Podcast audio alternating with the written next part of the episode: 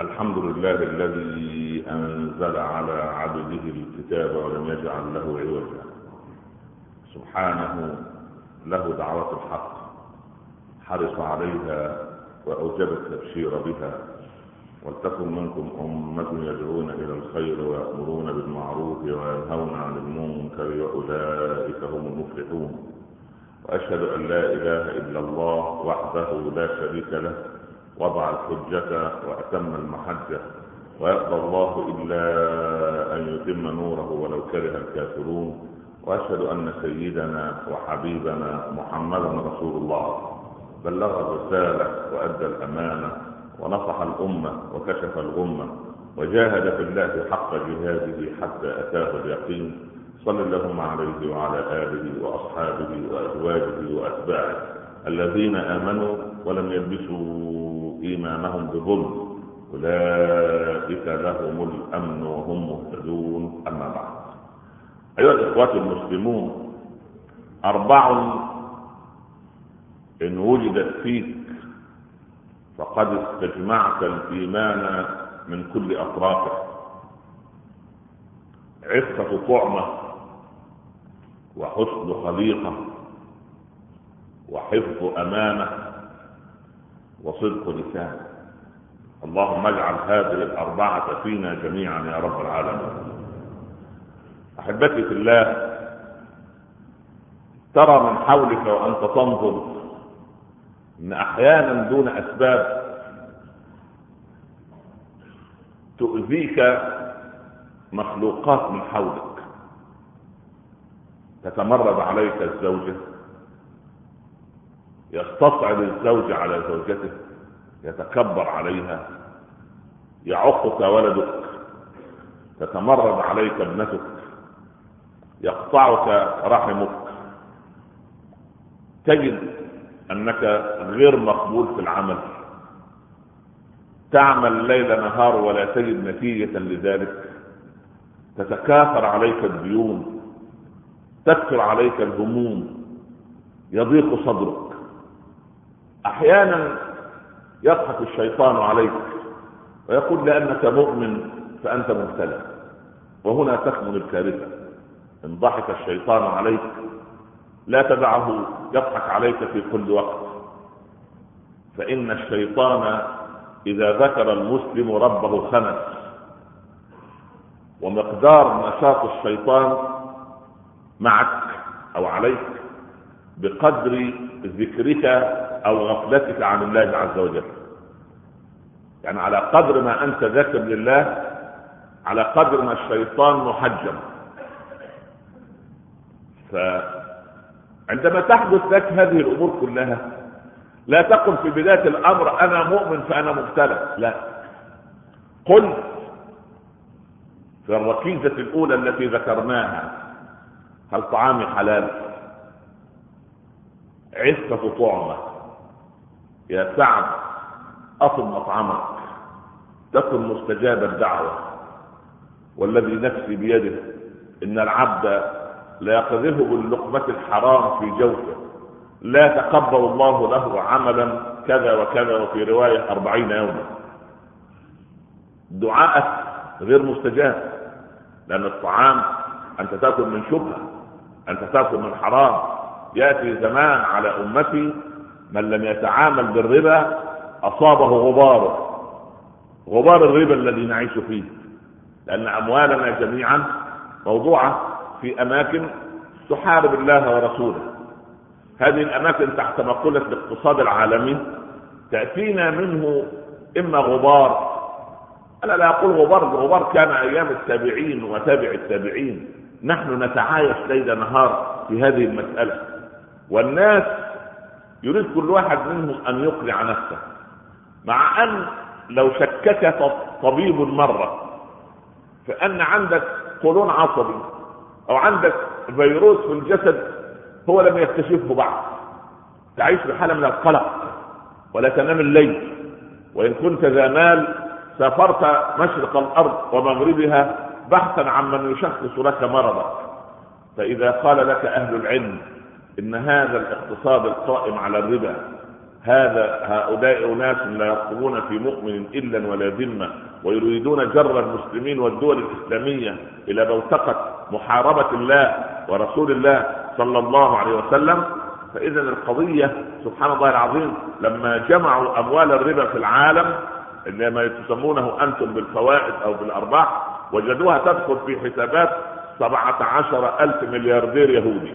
في نهاية المطاف أنت تعطي لليهودي ما لم يضعه في خزانته. عفة طعمة. عفة طعمة تجدها راحة للبال وانشراحا للصدر واستجابة للدعاء وتيسيرا للرزق ورضا في النفس ومودة مع زوجتك وبرا من أولادك ومحبة في قلوب الخلق. جرب أن تتقي رب العباد في قضية الحلال سيدنا أحمد بن حنبل إمام أهل السنة رضي الله عنه وجزاه الله خيرا عن الأمة خيرا في أيام المحنة أرسل إليه أرسل خادمه ليشتري له ورقة ورقة بدرهمين فقابله أحد أثرياء العراق قبل الخادم إلى أين؟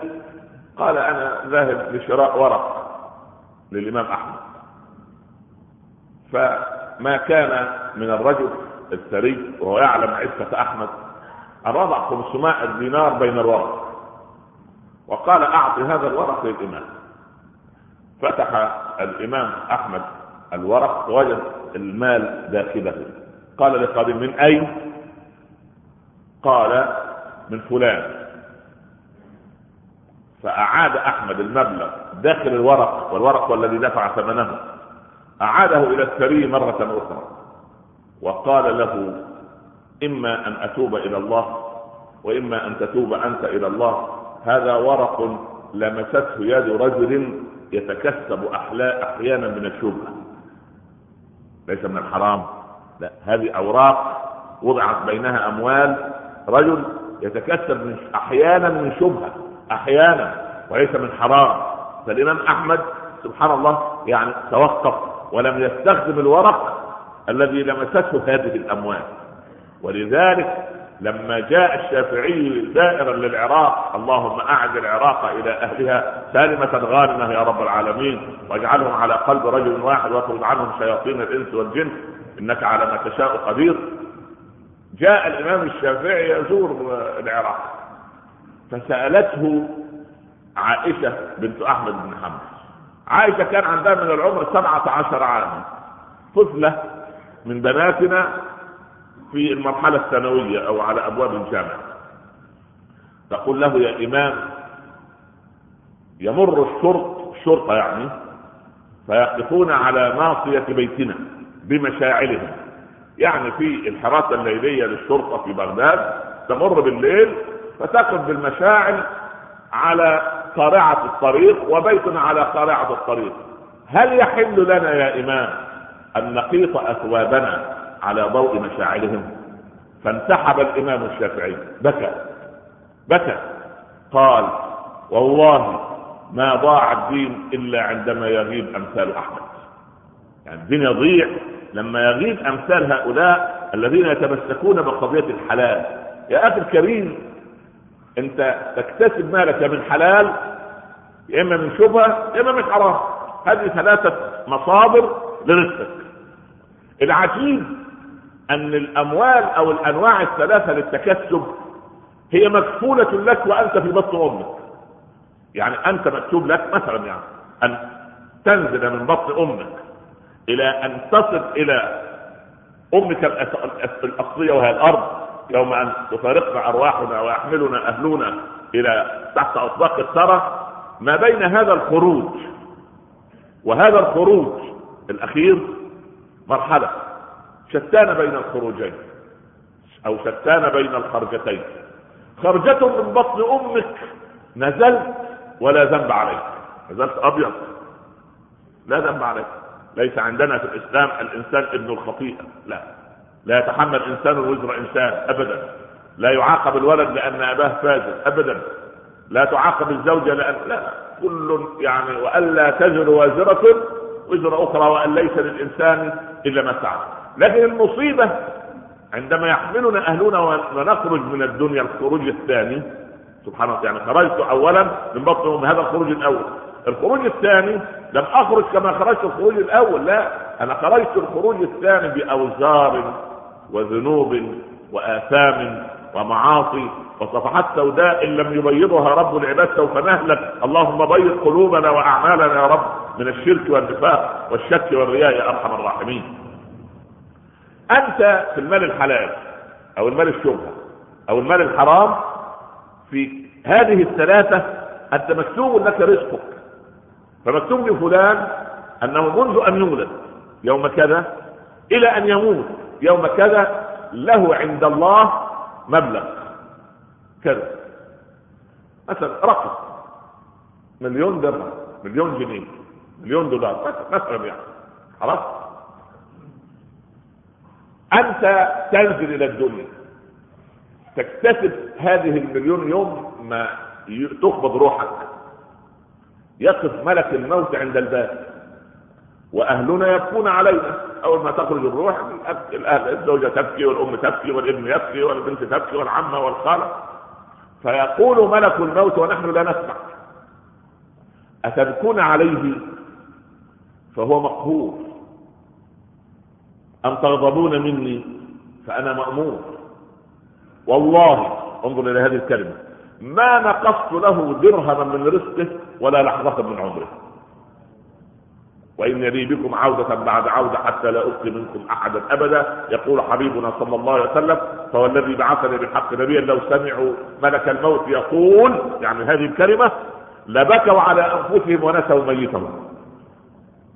إن لي بكم عودة بعد عودة حتى لا أبقي منكم أحدا أبدا. أنا والله لم أوقف له درهما من رزق. إذا القضية أن الرزق مكفول وسوف تأخذه. أنت أحيانا تتعجل.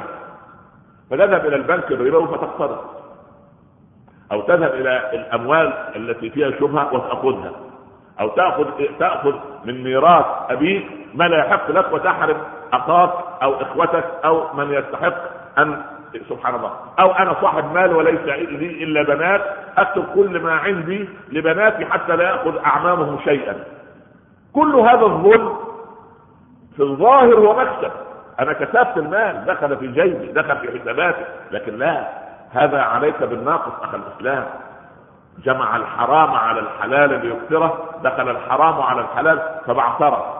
التفاحة الواحدة في صندوق الفاسدة في الصندوق السليم بعد أيام يفسد الصندوق كله. فالدرهم الحرام يدخل على المليون درهم فيضيع البركة من المليون ويطير الحرام عليك يوم القيامة ولا تردن المخيط والمخيط يوم القيامة حتى لو أن شاة قرناء نطحت شاة جلحاء لاقتص الله من هذه بتلك ولو أن جبلا بغى على جبل لدك الله الباغي لأن الله هو العدل وهو الحق وهو الذي يعيد الحقوق إلى أصحابها. اللهم ارزقنا من الحلال وأبعدنا عن الشبهات والحرام يا رب العالمين. إذا اخ الإسلام لو كل العالم كل المسلمين اقتنعوا أن المال والرزق مكفول عند الله فلا يتعجلوا بالحرام. طب لماذا الحرام؟ طالما إنه مكفول.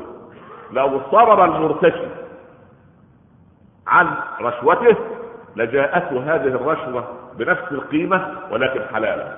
ولو صبر اللص وابتعد عن السرقة المال المسروق سوف يأتي إليه. الظالمون الذين يسرقون حتى أموال الشعوب في عرض البلاد وطولها وفي مشرق الأرض ومغربها لو صبروا لجاءهم هذا الرزق حلالا لكن العبد كما قال صلى الله عليه وسلم فإذا استبطا أحدكم رزق الله عليه فلا يستعجلن ما عند الله بمعصيه الله فإن ما عند الله يجلب بطاعته ولا يجلب بمعصيته العبد يعني من الواجب يتقي الله في مسألة اللقمة الحلال المال الحلال. فلذلك قال علماؤنا آخذين كلامهم من الصادق المعصوم صلى الله عليه وسلم أربع من كن فيه فقد جمع الإيمان من جميع أركانه عفة طعمة. عفة طعمة. أنت لك حياتان حياة قصيرة وحياة أبدية. الحياة القصيرة لا تقطعها بأن تنتهي عندما تنتهي لا. ازرع فيها لتستمر حياتك الطويلة والأبدية بميزان أو بثمرات ما غرست في الحياة القصيرة. يعني أنت رزقك الله بولد أو بنت. ما المطلوب منك؟ أنا مع ابني وابنتي في حياتي القصيرة أول شيء أطعمهم من حلال. طيب أطعمته من حلال. أعلمه حقيقة الإسلام وكتاب الله عز وجل. علمته كتاب الله والحلال. فما فما الثمرة؟ الثمرة كبيرة. بعد أن أموت لا ينقطع العمل. لا ينقطع العمل. لأن أنا ميت متوفى عند أهلي. سبحان الله. يعني أهلي يقولون قد مات فلان. ويظن ونسونا يعني بعد ما نموت يعني أسبوعين ثلاثة سنة. سنتين عشر. هل تذكر جدك الذي مات منذ ثلاثين عاما؟ خلاص بكيت عليه عندما مات؟ انتهى الأمر. خلاص. لكن هل عمل جدك قد انتهى؟ إن كان خيرا أو إن كان غير ذلك لا لم ينتهي. لم ينتهي. لماذا؟ لأن ثلاث لا ينقطع ابدا ثوابهم بعد موت العبد أول شيء ولد صالح. هذا الولد الذي ربيته أنت وأطعمته حلالا. سبحان الله. يعني يعني كثير من الإخوة والأخوات الفضليات تربية المساجد. أنا أعجب بأسئلتهم كثيرا.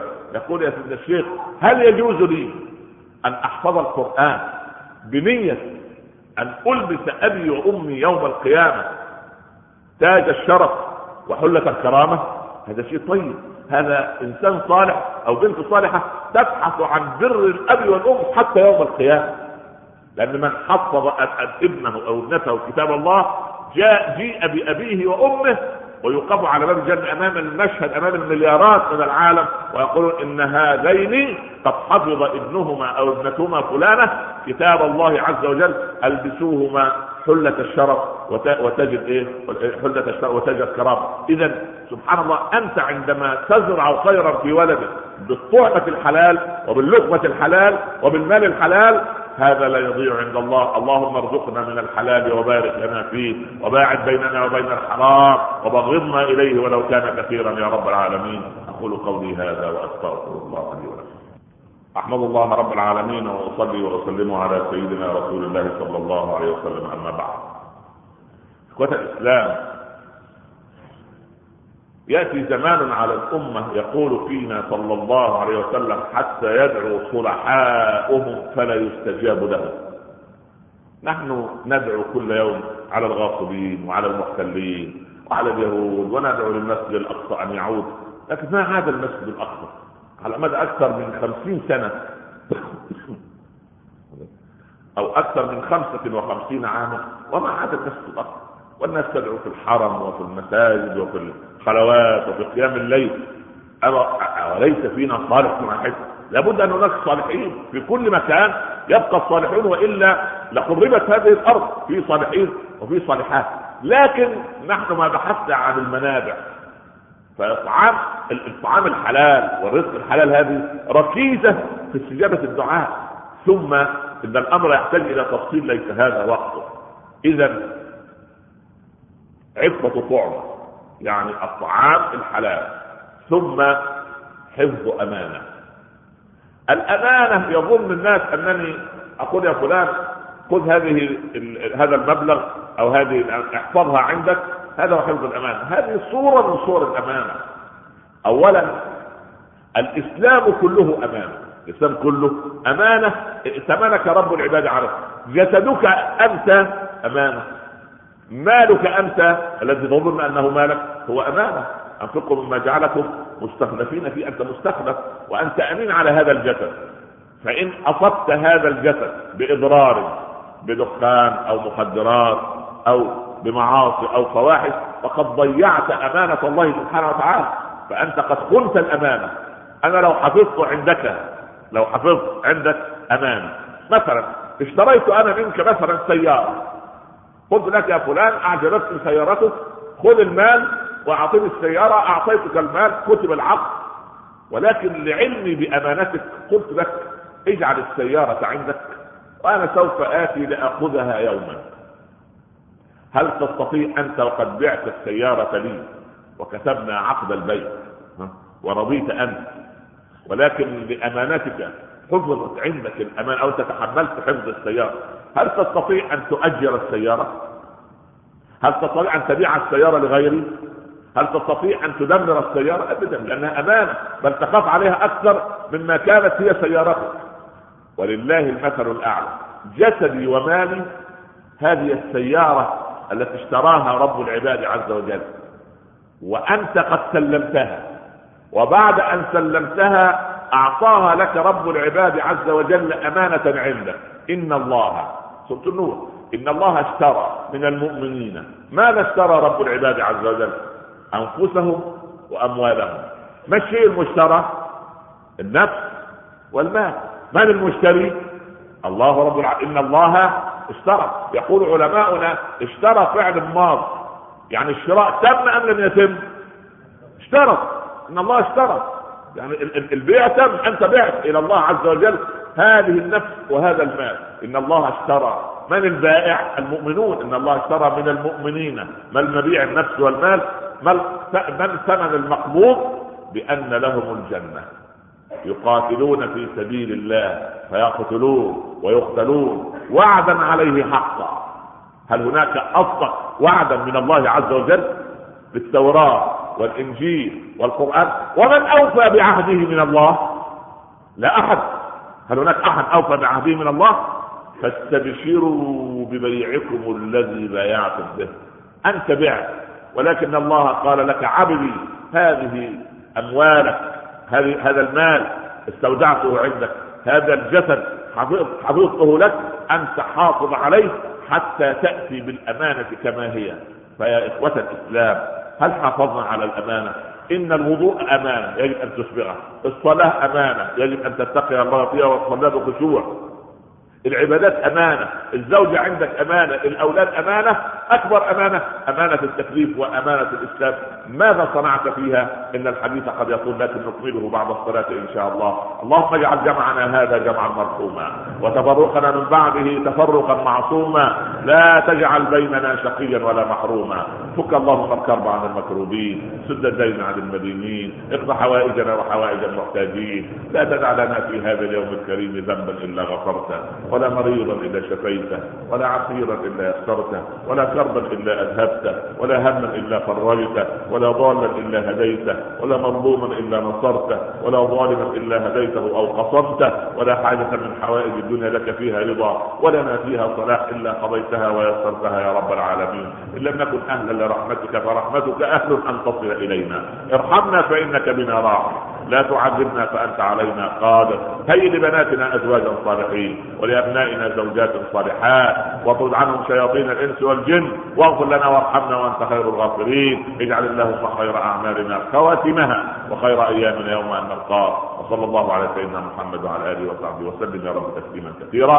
بسم الله الرحمن الرحيم والعصر. إن الإنسان لفي خسر إلا الذين آمنوا وعملوا الصالحات وتواصوا بالحق وتواصوا بالصبر. صدق الله ومن أصدق من الله قيلا. نكمل حديثنا بعد الصلاة إن شاء الله. وأقم الصلاة وقوموا إلى صلاتكم. يرحمكم الله. أحمد الله رب العالمين وأصلي وأسلم على سيدنا رسول الله صلى الله عليه وسلم. أما بعد تحدثنا في اثنتين مما كنا نريد أن نتحدث فيه في الخطبة. فتكلمنا عن اللقمة الحلال أو المال الحلال عفة طعمه وحفظ أمانة. بقيت اثنتان خطيرتان مهمتان. حسن خليقة وصدق حديث. الأمة الآن ليست متخلفة لأن ليس عندها الطائرات والدبابات والتقنيه الحديثه لا الأمة متخلفة لأن سلوكياتها ليست وفق منهج الكتاب والسنة. قضية الدبابات والطائرات والكلام ده يأتي يوما. طيب قد نكون مقصرين. لكن الله عز وجل لما قال لنا واعدوا لهم ما استطعتم من قوة كان الأمر لا يحتاج إلى إلى يعني الأشياء التي عند الآخرين. الآخرون دائما كانوا متفوقين علينا. وقال عمر بن سعد إنما ننصر على عدونا بطاعتنا لله ومعصية عدونا له. فإن استوينا في المعصية كان لعدونا الغلبة بالعدد والعدد. إذا قضية العدد والعدد دي مسألة مش واردة في حسابات الإسلام. وإنما وارد أن أعد ما أستطيع أن أجهز ما أقدر عليه.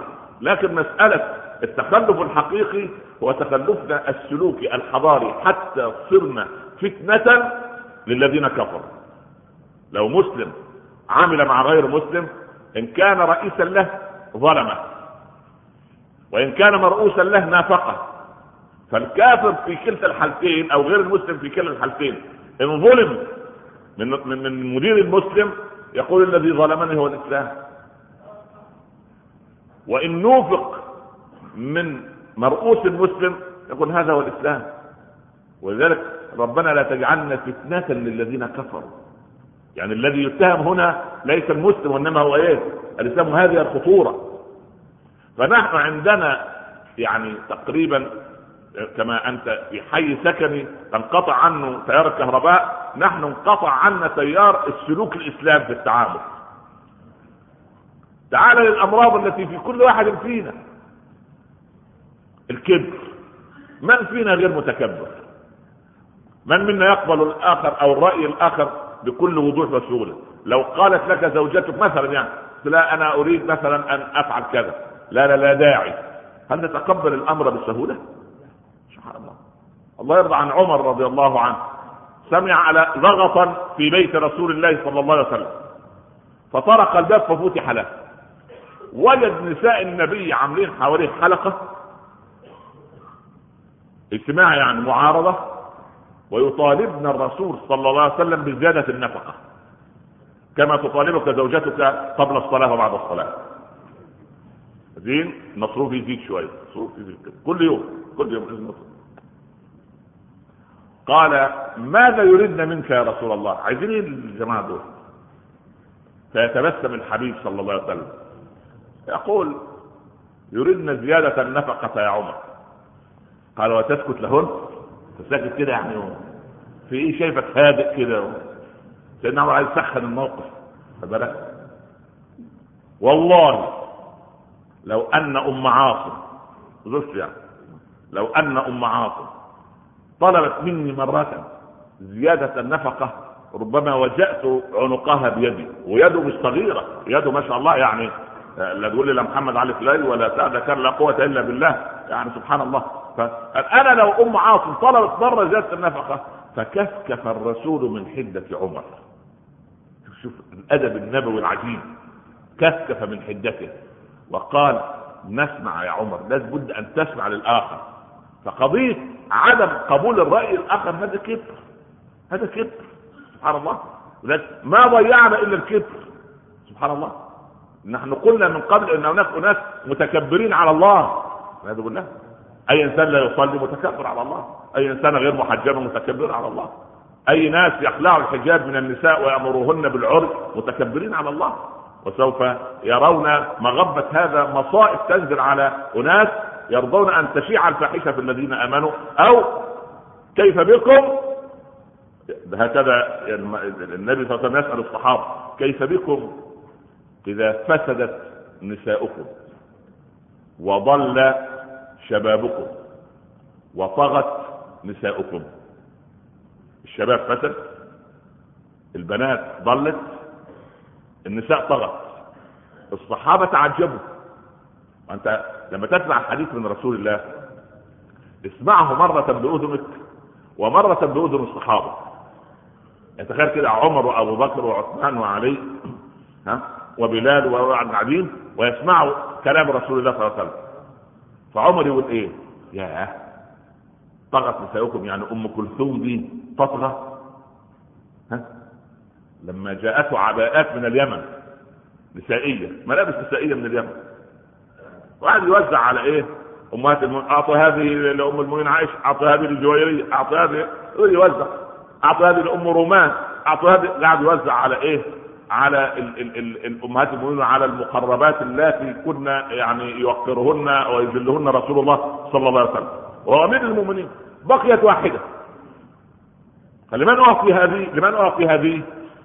قال أعطيها أم كلثوم. من أم كلثوم؟ زوجته بنت علي. أبوها علي وجدها النبي يعني شيء يعني جميل قال لا لا لا لا. أين أم سليم؟ مين أم سليم؟ مش أم سليم آه، آه، والدة أنس لا أم سليم. أم أبي سعيد الخدري رضي الله عنه. لماذا يعني؟ اشمعنى أم سليم. قال كانت تخيط لنا قرب الماء يوم أحد فتبسم الرسول لصنيعها وأنا أعطيها لتبسم رسول الله لها. شوف مقياس عمر إيه؟ ما مقياسه؟ في المسألة. أن الرسول تبسم لصنيع أم سعيد أم أبي سعيد الخدري فأعطاها الإيه؟ ومنع أم كلثوم. سبحان الله العظيم. فأنت اسمع الحديث بأذن عمر. إذا فسد شبابكم. ينظر كده يقول يا عبد الله بن عمر ابني يفسد معقول؟ إذا طغت نساؤكم. الله آه بناتكم. فظل البنات أو يعني واحد من الصحابة كأبي بكر يقول الله أسماء تضل. قالوا أو ذلك كائن يا رسول الله؟ معقول. معقول أم كلثوم تطغى وأم رومان تضل وعبد الله بن هذه هذه النساء وهذه البنات وهذه الأولاد. قال والذي نفسي بيده أشد منه سوف يكون. آه ده كلام يخوف. ما تصلوا على رسول الله؟ معقول أشد من هذا؟ معقول أن بعض النساء ما تضغى والبنات تضل والشباب يفسد. سبحان الله لا إله إلا كان لنا شيخ رحمه الله كان يعني من ضمن الأساتذة الذين في الجامعات المختلطه كان يفصل الأولاد عن البنات طلب الناحية دي والطالبات الناحية دي. فولد ساقته قدماه أن جلس وسط البنات. فالاستاذ بدأ المحاضرة دي واحد قاعد وسط البنات البنت اللي هناك دي تقف. فوقفت البنت اللي ولد ولد قال لا لا لا لا اللي جنبها. فوقفت البنت الأخرى. يعني فالأستاذ قاعد في الايه؟ وبينهما فاصل يعني. قال لا لا لا البنت اللي في الوسط. أنا شاور كده على ابن عبد الله يعني البنت اللي هو الشاور يعني. البنت اللي في الوسط. فوقف الولد وهو خجلان. أيام ما كان في خجل. أنا بكلمك في الستينات أيام ما كان في حاجة اسمها خجل وقف الولد في حالة من الخجل الشديد والحياء فالاستاذ بطل قال سبحان الله إن البقرة تشابه علينا. لا إله إلا الله سبحان الله. لا إله إلا الله. أنا فكرتك بنتي يا ابني؟ ما رأينا الولد في الجامعة بعد ذلك. أيام ما كان في حياء الثاني لو إيه في إيه؟ زميلتي. ما ما انت ما انت بتسمع أكثر مني. المهم خلينا إحنا في إيه؟ في الصحابة والذي نفسي بيده أشد منه سوف يكون. كيف بكم إذا لم تأمروا بالمعروف ولم تنهوا عن المنكر؟ اللي هي تحت عنوان إيه؟ وأنا مالي. مش كده كله يقول وأنا مالي؟ أنا مالي يا عم. أنا أنا بوسع الكون. أنا يا عم سبحان الله.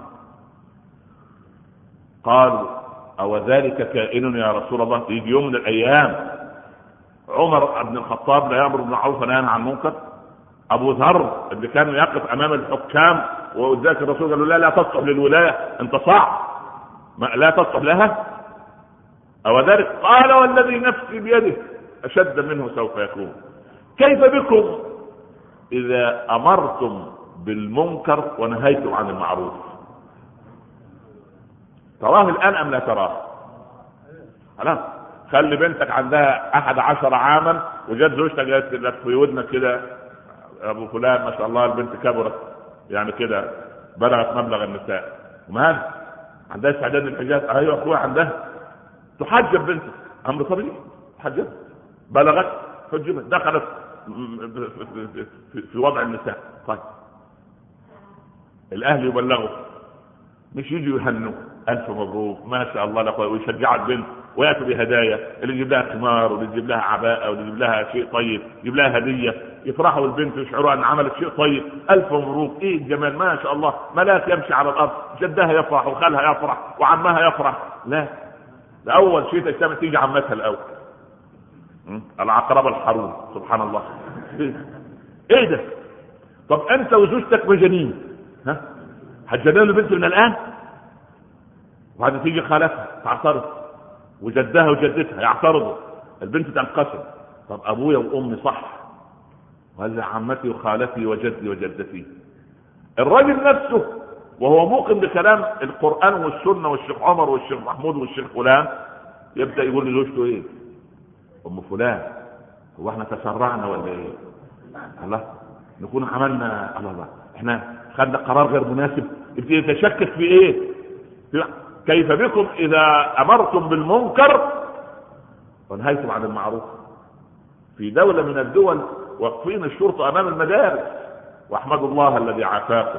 أنتم في بلاد من يريد أن يعبد الله ما شاء الله. اللهم احفظ على هذه البلاد أمنها والمسلمين جميعا إن شاء الله. يخلع الحجاب من على رؤوس الطالبات والتلاميذ وتنقسم البنت بين مصيبتين. مصيبة أن لابد من خلع الحجاب أو التعليم. والأب والأم في البيت إما أن يحفظوا للبنت ويخليك يا بنتي في البيت والله الغني وإن شاء الله ربنا يعلمك. أو أب وأم يقول الله هذه ضرورة والضرورات تبيح المحظورات وندخل سبحان الله. هذه البلاد يجب أن تنتظر عقابا ونقمه وسخطا من الله عز وجل. آه ينزل بها سخط الله.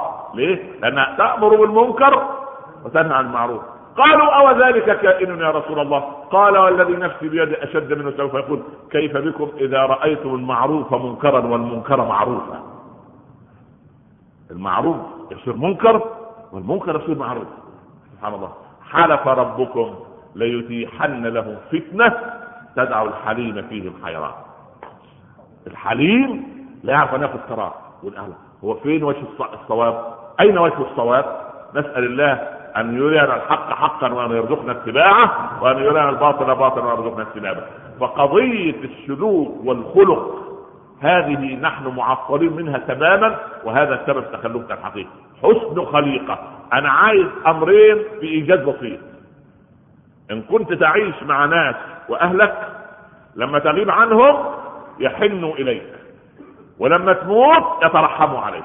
بس أنا لا أريد إلا هذا. عايز منك لما تغيب عن أهلك يحنون إليك. أيام فلان؟ الله يبارك فيه الله يعطيه الصحة. راح فين؟ والله سبحان الله أوحشتنا أيامه وإذا مت ترحموا عليك بما يرون منك من خير. حسن خليقة. ثم صدق حديث. صدق الحديث مهم. يعني الرجل المؤمن الصادق لا يعرف إلا الصدق ولا تظن أن الكذب ينجي. ابدا. قصينا عليك القصة من قبل الرجل جماعة جروا خلفه عشان يقتلوه. فرجل وجد راجل قاعد يفتل إيه؟ حبال من كومة ليف عامل كومة ليف كده كبيرة وياخد منها ويفتل حباله. فقال خبئني خبئني. في ناس عايزين يقتلوني. قال له ادخل تحت هذه الكومة. الراجل رفع الليف ودخل وكتم أنفاسه وقعد. جاء من يطلبه. أربعة خمسة كده. أما مر بك رجل من هنا آنفا؟ قال بلى مر. وأين هو؟ قال تحت كومة الليف تلك. الله يسامحك يا شيخ سبحان الله عليك. فنظر بعضهم لبعض قالوا معقول أن في إنسان ينزل تحت كومة الليف ويعيش؟ الرجل هذا يسخر منا. يبان عليه فتان حبال وكذاب غادر المكان وترك المكان. طلع الرجل خرج من تحت كومة الليف أمسك بتلابيب الفتان الحبال هذا. أنا يا رجل أقول لك ان اسكت الصدق انجاز ولا كذب. آه.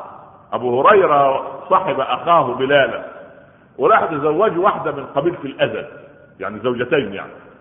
قبيلة طيبة عندها ناس محترمين بنات فاضلات راح عليه راح عليه. قالوا والله إحنا من المدينة ونريد أن نتزوج وإن شاء الله يعني ابنتكم فلانة وفلان أنا وأخويا فلان. فابو هريرة يشجع من؟ يشجع بلالا ويقول لهما إننا من أصحاب رسول الله. اعطيه يعني اعطيه الكرنيه يعني طلع الهوية ها؟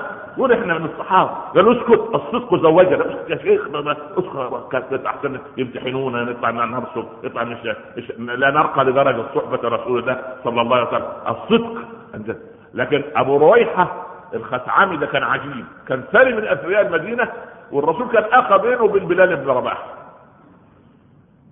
وبلال كان متزوج من؟ أخت عبد الرحمن بن عوف. بلال هذا كان لا يملك قوت يوما. لكن عبد الرحمن بن عوف قال له لا تريد الزواج يا بلال؟ قال له أزوجك أختي. وحد يجد زي بلال. الله أكبر. المهم وراح أبو رويحة عند قبيلة الازد دي. يبدو عندهم بنات مشهورات للزواج مش عارف إيه في التاريخ يعني. أنا اتركوني أبحث المسألة وبعد ما أرجع أقول لكم. المهم مشوا قبيله الاسد خلاص إحنا بس بنتكلم عن التاريخ. ف قال نحن لا نعرفك. أنا رويحه لقد عني أنا من أغنياء المدينة. أنا الله ولا نعرفه ولا نزوجك. ائتنا بمن يزكيك عندنا. يا سلام بسيطة. يا بلال رجع المدينة. تعالى زكينا عند الناس دول. ماذا تريد؟ أريد الزواج من ابنتي فدخل بلال. وقال أنا بلال بن رباح مؤذن رسول الله صلى الله عليه وسلم. وهذا أخي في الإسلام أبو رويحه الخثعمي. رجل سوء في الخلق إن شئتم فزوجوه وإن شئتم فارفضوه وإذا اخلاقه تزك والعياذ بالله. وأنتم أحرار عايزين تزوجوه؟ أنا وضحت لكم المساله قالوا وزوجناه من أجل صراحتك وصدقك يا مؤذن رسول الله. والله من وشك يا شيخ لنزوجه يمكن تحسن أخلاقه. بعد هم راجعين أبو رويحه يعاتب أخوه بلال يا بلال قال له اسكت الصدق زوجك والله لو كذابين ويطلع بعد كده أنا مدلس. أنا بلال مؤذن يقول حي على الصلاة حي على يدلس على الناس ولا يقول الصدق. وكم من مدلسين في عائلاتنا. إيه رأيك يا فلان في ما شاء الله توكل على الله. بس ده بنقضي يعني يا فلان إن الولد يعني لا يصلي. يا عم بكرة يصلي. الله. نعم. ده بلغنا ان البنت غير محجبة. يا شيخ يعني ده خالتك حجبت في سن الستين تكره الله في إيه؟ الله. ده بلغنا إن الولد بيشتغل في بنك ربا. يا راجل أنت أنت انت, أنت تمشي ورا الشغل ما تروح بداهية. يا شيخ زوجها سكر ويغرقه لأنه ليس ناصحا ولا أمينا. يا أخي ابن الواجب صدق الحديث هذا. الحياة لا تقام على كذب. وأنا مشفق على كل سكرتير وسكرتيرة في مكتب المدير عندما نسأل على المدير ويقول هو غير موجود والمدير بجواره ماذا يقول لله يوم القيامة؟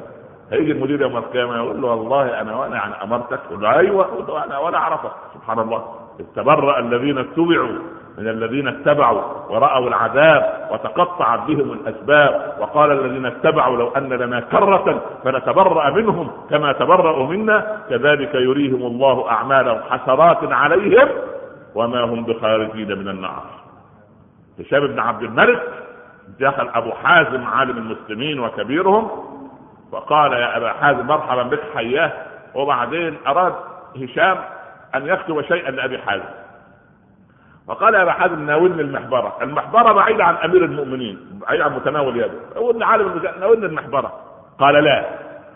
الحاشية يعني طبعا أنت عارف الحاشية لما تقعد قال ابا حازم يشرفك أمير المؤمنين ويقول لك ناولني المحبرة وأنت تأبى؟ قال وإن كتب أمير المؤمنين شيئا يظلم به احدا من الرعية ألا أكون مشاركا له يوم القيامة؟ أنا أروح فين يوم القيامة لما يوم يجي يتبرأ مني ولا كأنه يعرفني ولا كاني اعرفه نسأل الله سبحانه أن يرزقنا عفة طعمه وأن يرزقنا حفظ أمانة وأن يرزقنا صدق حديث وأن يرزقنا حسن خليقة. وليبدأ كل واحد منا بنفسه. اوعى تنتظر أن أحد غيرك يبدأ. ابدأ ابدأ أنت. ارجع اليوم اكتبهم الاربعه هل يا ترى فيك صفة؟ أو اثنين أو ثلاث أو أربع منهم؟ إن كنت فيك صفة منهم كمل الثانية فيك ثلاثة كمل الرابعه ليس فيك ولا واحدة. ابدأ وقل